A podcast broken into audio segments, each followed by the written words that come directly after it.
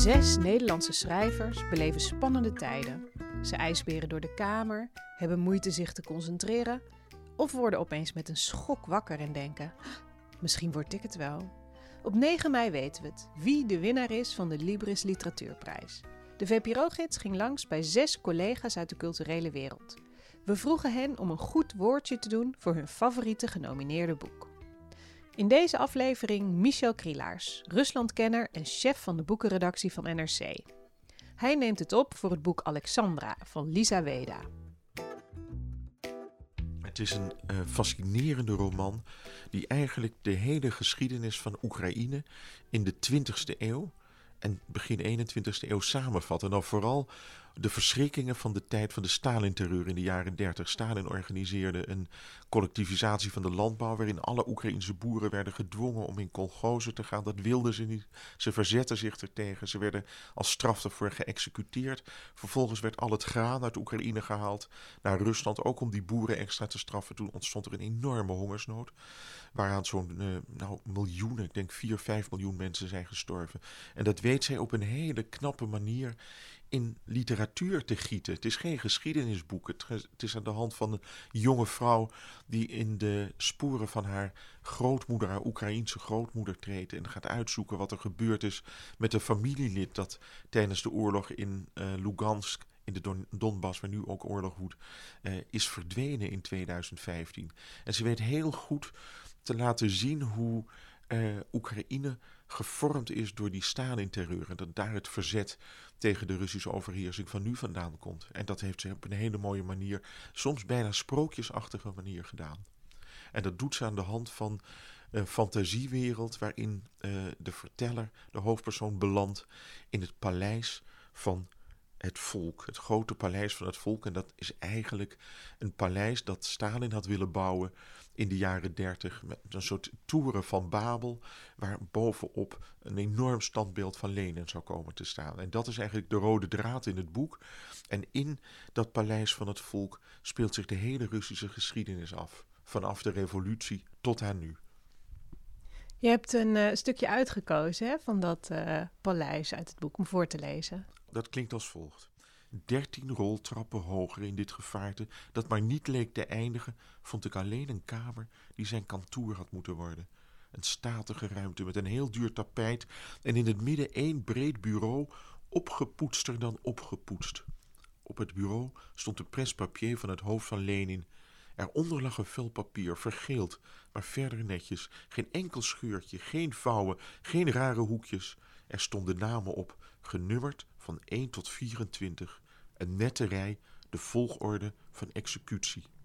Boven de namen stond iets gekrabbeld als oké, doe maar.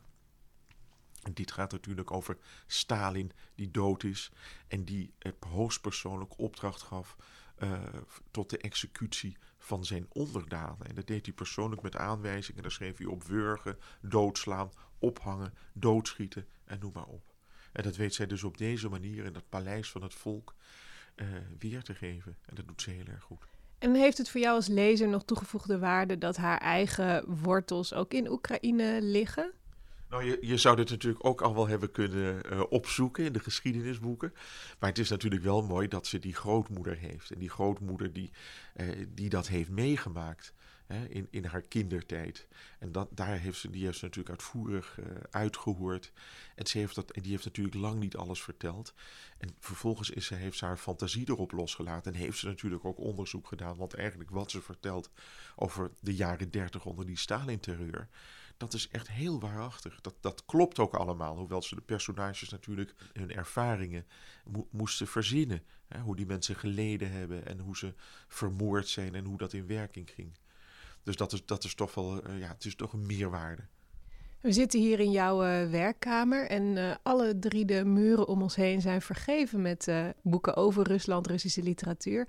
Heb jij uit dit boek nog iets gehaald, iets nieuws geleerd of heeft iets jou, iets jou verrast? Nee, ik heb niets nieuws geleerd, maar ik ben wel heel erg uh, in die wereld getrokken waar ik uh, eigenlijk al heel veel van afwist. Ik heb mezelf heb zelfs een kandidaatscriptie geschreven over, uh, over die collectivisatie van de landbouw. En ze heeft het heel erg in, invoelend gemaakt voor me. Dus eigenlijk heb ik nog meer ervaren hoe verschrikkelijk het is geweest. En dat vind ik heel knap. En het boek is nu, staat in de bestsellerlijsten, doordat er natuurlijk uh, oorlog is uitgebroken in, uh, in Oekraïne. Dus um, ja, door een hele tragische reden kopen ineens heel veel mensen het, uh, het boek. Um, kan dit boek helpen om de oorlog beter te begrijpen?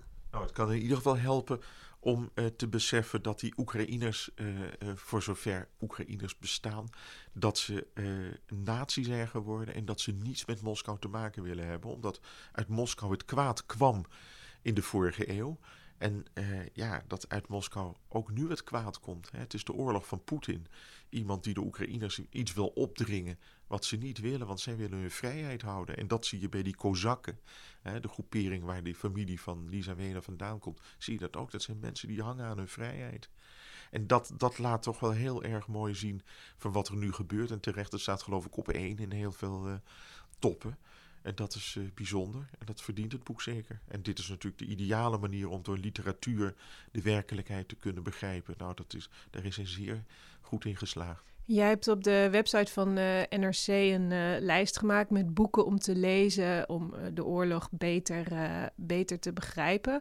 Hoe, hoe belangrijk is literatuur volgens jou in tijden van oorlog? Ik denk dat literatuur meer kan zeggen uh, over wat er gebeurt dan een non-fictie, dan een goed geschiedenisboek. Ik had zojuist een vriendin uit Moskou aan de telefoon en die was uh, De Witte Garde aan het lezen van Bulgakov. En het is een boek dat zich afspeelt tijdens de Russische burgeroorlog, uh, waarin precies hetzelfde gebeurt als wat nu gebeurt. En dan weet die Bulgakov heel goed het absurde van zo'n oorlog te laten zien. En het absurde van wreedheid en wat een oorlog voor wreedheid losmaakt in mensen.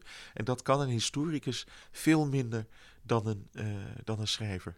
De werkelijkheid is vaak absurder dan uh, de literatuur.